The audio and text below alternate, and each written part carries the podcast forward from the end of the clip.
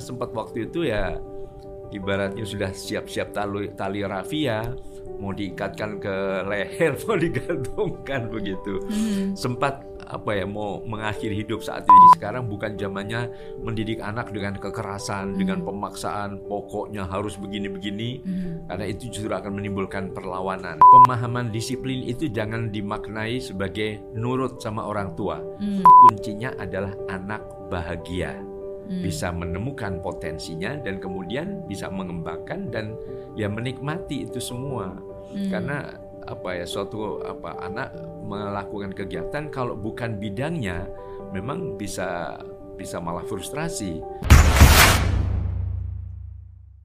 Nah, ada satu hal lagi yang menjadi kebiasaan Kaseto yang menurut saya ini menarik banget yeah. Uh, bahwa kalau di rumah Kaseto itu uh, penting dengan ada yang namanya MPR. Oh, iya, iya selalu betul. ada MPR di rumah. Iya, iya. Majelis Permusyawaratan Rumah, rumah Tangga. Iya. itu seperti apa? Iya, sebetulnya melanjutkan apa yang kami lakukan pada waktu saya masih kecil. Hmm. Nah, kepada anak-anak juga begitu. Hmm. Jadi sekarang bukan zamannya mendidik anak dengan kekerasan, hmm. dengan pemaksaan, pokoknya harus begini-begini, hmm. karena itu justru akan menimbulkan perlawanan ya. Tapi itu duduk bersama, dibicarakan bersama. Nah, dengan sidang umum MPR tadi hmm. itu kita membicarakan sehingga ada pada saat pernah suatu saat ada anak mogok sekolah padahal hmm. dia dia di, sudah sekolah di sekolah, sebuah sekolah internasional kelas 3 SMP kurang enam bulan mau ujian dia nggak mau sekolah. Hmm. Terus kenapa ya rupanya terjadi apa bullying lah. Hmm. Termasuk waktu itu sudah sempat ada semacam cyberbullying juga hmm. melalui internet dan sebagainya. Akhirnya betul nggak nggak mau sekolah. Lalu sempat dipaksa oleh istri saya, hmm. enggak, ini sekolah mal, harus sekolah. Lalu dia bilang, kalau aku dipaksa bunda sekolah, aku lapor ketua Komnas Anak, katanya. Waktu itu saya jadi ketuanya ini, Komnas Perlindungan Anak yang sekarang ganti nama LPA ini. Iya. Akhirnya ya udah ketawa semua begitu. Iya dong, kan ayah perlindungan anak, kan anak nggak boleh dipaksa. Zaman hmm. sekarang juga didengar. Akhirnya udah kita bicarakan, ya udah sekolahnya gimana? Sekolah di rumah aku punya ide ada homeschooling nih di beberapa hmm. negara sudah populer gitu. Hmm. Akhirnya kamu komunikasi kami komunikasi dengan dinas pendidikan setempat. Oh boleh bisa begitu. Nanti okay. ujiannya ujian paket. Okay. Jadi seperti PKBM begitu. Nah sejak itu lahirlah uh, lembaga kami. Kami sudah punya sekolah formal dulu uh, dari tahun 82 dibentuk. Hmm. Uh, yang sekarang SD SMP SMA. Tapi sekarang ya tahun itu sekitar tahun dia lulus SMA tuh 2006 kalau tidak salah. Iya. Ya apa? Akhirnya kami uh, bentuk di rumah teman-temannya banyak yang bergabung. Ah, aku mau juga sekolah seperti itu. Oke. Okay. Itu akhirnya makin lama makin besar. Nah, diprotes tetangga kiri kanan karena kok rame jadinya. akhirnya kami pindah ke beberapa tempat sewa gedung makin banyak ya ya akhirnya kami akhirnya bisa membeli sebuah gedung sekolah sendiri yang sempat bangkrut karena tidak berkembang. Mungkin hmm. muridnya kurang. Tapi ternyata model homeschooling ini apa ya makin terus uh, berkembang. Dan sekarang di era COVID-19 ini tampaknya yeah. sudah mulai dikembangkan semacam itu bahwa belajar itu bisa semacam iklan ya. Bisa kapan saja di mana saja dengan siapa saja. Begitu. Ya apalagi mungkin karena uh, COVID-19 yang melanda di Indonesia ini, uh, anak-anak juga harus study from home. Yeah, orang tua betul. juga harus ikut membantu. ikut Nah, jadi sebenarnya itulah homeschooling yang yeah, sering kali terjadi dari zaman dulu pun juga selalu Sudah ada. ada yeah, hmm. bahwa pendidik pertama dan utama adalah justru orang tua. Hmm. Dan pendidikan kan bukan sekedar akademik atau kurikulum ipteknya saja, tapi ada unsur etika, ada unsur estetika, tapi nasionalisme, juga kesehatan, olahraga dan sebagainya. Jadi hmm. itu ternyata juga bisa dikembangkan oleh para orang tua di rumah saat ini. Iya, iya. Dan banyak orang tua yang jadi stres nih Kaseto karena tiba-tiba jadi harus ngajar anaknya. Iya. Ternyata susah jadi guru katanya. Betul, uh -uh. betul. Ya memang kami juga menyampaikan bahwa saat ini kan sudah sudah ada su, apa surat edaran Menteri Pendidikan kan yeah. mengatakan bahwa dalam keadaan saat ini beri pelajaran yang bermakna buat anak. Jadi hmm. yang yang nyata yang mudah ditangkap lah, hmm. tidak terlalu akademik. Bahkan juga digarisbawahi tidak usah terlalu menekankan pada penuntasan kurikulum untuk kenaikan kelas atau kelulusan hmm. itu. Sehingga saya juga menegaskan kalau bisa segera dinyatakan kalau perlu semua anak akhir tahun ajaran baru nanti naik kelas. Hmm. Jadi anak tidak stres, tidak tertekan karena kalau diberi tugas-tugas melalui daring kan nggak mudah kan. Yeah. Belum kalau nggak punya handphone atau nggak punya laptop, belum kalau sinyal susah, yeah. belum kalau kuota habis. Nah ini kan itu bermasalah. Hmm. Beberapa sampai ada yang apa ya bunuh diri kan? Iya, nah itu kan jadi kontraproduktif. Jadi anak akhirnya takutnya malah fobia belajar. Hmm. Nah sekarang kami sarankan seperti sistem homeschooling belajar itu bisa belajar apa saja. Belajar merapikan rumah juga bisa, hmm. belajar beberapa yang sudah remaja belajar produktif, misalnya beberapa yang bisa membuat aneka kue kemudian dipromosikan melalui media sosial itu hmm. belajar juga bahkan penekanannya kan bukan hanya sekedar menerima tapi juga kreatif mempunyai ide hmm. karena masa depan dibutuhkan orang-orang yang kreatif dan inovatif yeah. bukan sekedar robot-robot yang apa pandai menghafal tapi begitu terjun ke masyarakat mati kutu jadinya malah betul gitu. betul bukannya tahu apa ya tapi bisa buat apa gitu kan dari apa yeah. yang kita ketahui jadi kan betul, kan ya betul. berkarya yeah. hasilnya seperti apa itu yang lebih penting dan harus itu menjadi tolak ukur ya Iya, ibaratnya bukan learning what to learn, tapi learning how to learn. Hmm. Bagaimana belajar itu mengasihkan, menyenangkan, sehingga mungkin ya yang yang senang nari, yang senang apa melukis, ya, itu kembangkan aja pada saat-saat sekarang ini, hmm. sehingga akan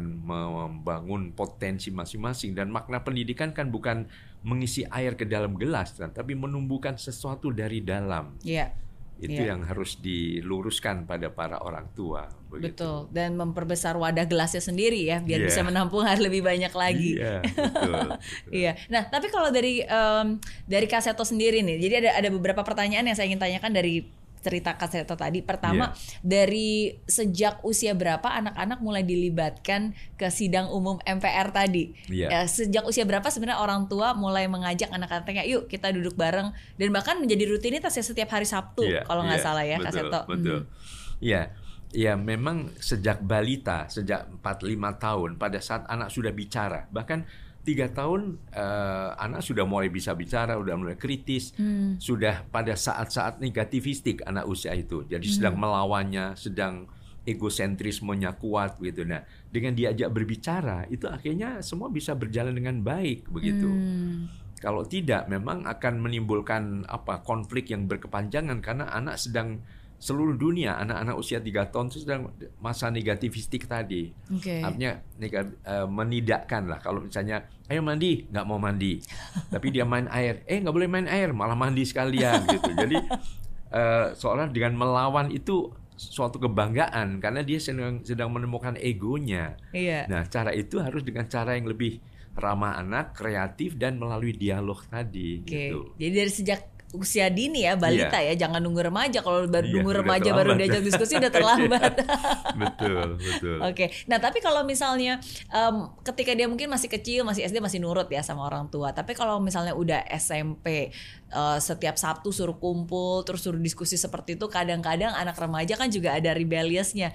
Ah males ah ngapain sih? Nah itu gimana cara untuk bisa mendisiplinkan mereka untuk tetap sehingga rapat keluarga itu masih terus ada Iya, eh, pemahaman disiplin itu jangan dimaknai sebagai nurut sama orang tua. Hmm. Kan sering orang tua mengatakan dia nggak disiplin, kenapa? Dia nggak mau nurut sama saya. Hmm. Nah itu justru robotisasi. Hmm. Nah disiplin itu adalah setia pada komitmen. Okay. Jadi pada waktu rapat keluarga kita tentukan saja. Ini gimana? Kalau misalnya, aduh capek, uh, kalau aku sudah mulai sibuk. Sekarang kalau bukan seminggu sekali, dua minggu sekali boleh nggak? Nah okay. itu diputuskan bersama, oke? Okay? Sama dua minggu ya tos. Nah kalau dia melanggar, nah itu berarti tidak disiplin. Hmm. Kan ini keputusan bersama, termasuk kamu yang menentukan misalnya. Yeah. Jadi itu juga dibicarakan. Kalau melanggar sanksinya apa? Okay. Jadi membangun komitmen itu tetap demokratis, sehingga orang atau anak-anak bisa mengikuti sesuai dengan komitmen bersama tadi begitu. Iya, iya. Nah itu poin penting tuh disiplin bukan berarti uh, harus selalu nurut, nurut dengan orang tua iya, ya. Betul, betul. Tapi setiap ada komitmen dan kalau komitmen itu tidak dijalankan, tahu juga pasti ada konsekuensinya dan menjalankan konsekuensinya. Iya, betul. iya, gitu. iya. Oke. Nah um, balik lagi ke tentang uh, homeschooling ya, Kak Seto iya. ya. Berarti kalau sekarang uh, um, karena waktu itu anak pertama Kaseto yang nggak mau lanjut sekolah, tapi dalam tanda kutip musibah sekarang menjadi anugerah, sekarang menjadi kesempatan untuk iya. orang-orang yeah. lain, anak-anak yang mungkin uh, serupa untuk tetap bisa melanjutkan pembelajarannya dan akhirnya homeschooling Kaseto pun juga uh, banyak banget jebolan-jebolannya juga sudah berhasil yeah, seperti yeah. Nikita Willy, yeah. uh, Prilly Latukonsina, yeah, ya yeah, kan, betul, Dea betul. Seto juga. yeah, Oke, okay, yeah. artinya bisa menjadi dirinya sendiri kan hmm. tidak semua harus jadi dokter atau insinyur atau lawyer kan hmm. ya mungkin jadi pengusaha jadi hmm. artis menjadi apa saja yang penting anak bahagia menjadi dirinya atau mengembangkan potensinya masing-masing. Iya, gitu. lima Rudi versi Kaseto ya. Iya, kan ibaratnya ada lima Rudi yang semuanya sukses kan. Uh. Ada Rudi Habibi, Rudi Hartono, Rudi Salam, Rudi Khairuddin, dan Rudi Hadiswarno. Iya. Mungkin masih ada Rudi-Rudi yang lain yang juga sukses gitu. Jadi uh, apa sukses tidak harus seperti apa yang diambisikan orang tua. Hmm. Tapi kan tadi makna pendidikan adalah menumbuhkan sesuatu dari dalam kan, hmm. agar anak apa, berkembang sesuai dengan potensi masing-masing. Hmm. Jadi kalau potensinya kalau di dunia internasional bisa jadi Albert Einstein, hmm. tapi bisa jadi Maradona, bisa hmm. jadi Michael Jackson bisa jadi Pablo Picasso, Mozart yeah. dan sebagainya begitu. Iya, yeah, jadi selalu ada berbagai macam jenis kecerdasan dan pinter-pinternya orang tua lah untuk bisa uh, membantu mengembangkan, mengembangkan dan mengetahui ya mengetahui apa kecerdasan anak tersebut ya. Iya, betul sekali. Iya, iya. Nah, tapi kalau misalnya kayak sekarang kan banyak profesi tuh beda-beda tuh ada yang jadi influencer, ada yang jadi youtuber ya kan, ada yeah. yang jadi um, pengusaha tetap. Nah itu kalau komentar Kaseto gimana tuh? Iya, iya artinya hmm. uh, kan banyak kata bijak ya. Didiklah hmm. anakmu sesuai dengan zamannya. Hmm. Nah sekarang zaman berubah ya. Kalau dulu yang ber, bergelar, yang udah sampai doktor atau guru besar itu hebat, oke okay, bagus. Hmm. Tetapi sekarang banyak juga yang hebat yang lain yang juga perlu diapresiasi pada setiap anak-anak. Hmm. Ya tadi misalnya dengan youtubers, mungkin influencer atau apa pun Gamers juga. Gamers loh yang sekarang juga, juga ya iya, kan. kan? ya karena perkembangan zaman kan, ya kita yang harus menyesuaikan diri begitu. Hmm. Yang penting itu tadi kuncinya adalah anak bahagia hmm. bisa menemukan potensinya dan kemudian bisa mengembangkan dan ya menikmati itu semua hmm. karena apa ya suatu apa anak melakukan kegiatan kalau bukan bidangnya memang bisa bisa malah frustrasi hmm. ada kisah misalnya seorang apa uh, mahasiswa sudah lulus dia menyerahkan ijazah sarjana teknik teknik atau insinyur kepada uh, mamanya mama ini ijazah insinyur saya yang selama ini mama banggakan kan. Ini buat mama, sekarang saya minta izin saya mau main musik kembali. Hmm. Nah, bayangin ibunya kan sangat terpukul sekali. Jadi jadi kamu nggak bangga? Enggak, saya bukan bukan ingin jadi ini kan kan untuk mama kan gitu. Hmm. Jadi marilah kita juga para orang tua nantinya juga tidak memaksakan kehendaknya, yeah. tapi tadi menemukan, menghargai dan memberikan lingkungan yang kondusif agar bunga-bunga elok ini merekah dengan segala keunikan dan keelokannya. Amin. Jadi sebagai orang tua kita nggak boleh memberi tekanan kepada anak dan mengatasnamakan pendidikan yeah. atas tekanan itu ya. Betul. Jangan sampai ada kekerasan atas nama pendidikan. Iya, kadang-kadang soalnya banyak loh kan kayak uh, apalagi di di tengah pandemi seperti ini kan orang tuanya betul. juga stres yeah, ya kan yeah. jadi lebih mudah untuk marah yeah, apalagi yeah. dia sekarang uh, melihat proses anaknya sebenarnya menurut saya bukan anak yang berubah sih tapi sekarang orang tua melihat proses belajar anak dan ketika orang tua benar-benar melihat prosesnya mungkin uh, menjadi tidak sabar iya betul betul iya Ya, kami, saya selalu menekankan bahwa anak anek ibarat aneka bibit bunga, mm-hmm. apakah ini mawar, melati, anggrek, kenanga, bunga kembang sepatu, mm-hmm. sediakan saja tanah yang subur, mm-hmm. siramlah dengan penuh kasih sayang, mm-hmm. maka bunga-bunga itu akan merekah dengan segala keelokannya mm-hmm. tadi. Dan nggak usah dibanding-bandingkan lebih bagus mana mawar atau melati atau anggrek atau kenanga. Hmm. Bu Kasur mengatakan mawar melati iya. semuanya indah. Semua anak hebat, cerdas dan hmm. unik. Nah, hargailah dengan sediakan lingkungan yang kondusif. Hmm. Gitu. Kalau dari Kaseto sendiri, eh, sebagai anak ya kan sering kali kita merasa pressure sendiri. Orang tua sering kali nggak memberikan pressure, tapi yeah. sering kali kita sendiri yang membandingkan. Sama seperti yeah. kayak Kaseto membandingkan yeah. dengan saudara, saudara kembarnya, kembarnya yeah, gitu kan. Betul. Pasti kan selalu ada kompetisi seperti itu. Nah, itu gimana caranya untuk bisa uh, apa ya membuat kompetisi itu menjadi sehat? Iya, mm -mm. sebetulnya bisa saling menguatkan begitu. Jadi ibaratnya apa ya melindungi anak perlu orang sekampung. Mm. Jadi melindungi diri sendiri juga perlu kerjasama dengan mm. semua pihak. Nah, saya waktu itu yang memberi motivasi supaya kamu nggak usah down dan lain justru saudara kembar saya sendiri. Oke. Okay. Jadi satu-satunya orang yang saya pamiti waktu mau kabur itu dia justru hmm. dia membantu mempersiapkan. Oke okay ya, nanti bilang uh, kamu seolah-olah nggak tahu ya. Uh, oh saya lagi apa lari pagi begitu. Iya. Ya sudah ibu saya loh kok belum pulang gitu wah nggak tahu gitu terus dia sudah pergi kuliah kan hmm. pulang-pulang berlagak tanya sudah pulang saya tuh udah pulang belum belum oh lah ini ada surat nih kok masuk di dalam tas saya. Oh, Jadi astaga. ada suatu teater ya. Iya. Artinya supaya menenangkan juga ibu supaya jangan terlalu kaget karena pagi saya bikin JR-nya ya tiap pagi lari pagi ah. mulai dari setengah lima itu gitu. Jadi tapi begitu ibu saya waktu itu loh kok nggak pulang-pulang tapi begitu lihat ini apa tas agak besar itu di almari kok hi, sudah hilang. Hmm. Begitu dibuka, kami tuh punya pakaiannya tuh selalu dua dua dua sama hmm. gitu, bertumpuk gitu. Jadi karena kembar pakai yang sama.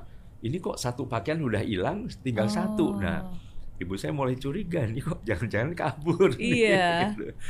Tapi ya udah saya dalam surat yang panjang saya udah pokoknya saya mohon maaf saya ini karena saya untuk menyelamatkan ego saya. Yeah. Karena sempat waktu itu ya ibaratnya sudah siap-siap tali, tali rafia mau diikatkan ke leher mau digantungkan begitu hmm. sempat apa ya mau mengakhiri hidup saat itu ya karena betul-betul sangat stres karena ya sebagai anak kembar kan selalu harus sama waktu itu nah hmm. itu juga yang kemudian kami apa mendorong kami juga punya organisasi yayasan kembar hmm. kalau bisa anak-anak kembar itu jangan terlalu disamakan bahwa okay. kembar sekalipun boleh berbeda mau pakai apa pakaiannya, mau potongan rambutnya dan sebagainya. Nah, itu hmm. yang belajar dari pengalaman kami karena dari kecil harus sama, harus sama.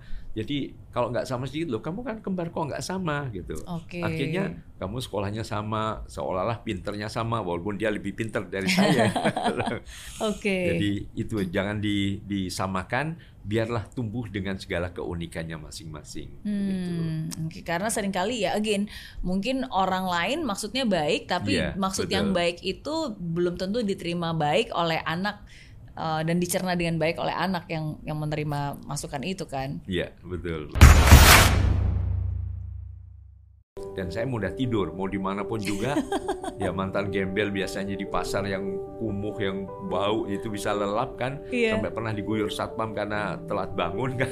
Eh, sempat diberikan pisau oh, ya, masih ingat, ke kaseto ya. uh, dan dibilang katanya kalau kamu mau bertahan hidup di Jakarta kamu harus pegang pisau ini untuk nodong orang. Betul betul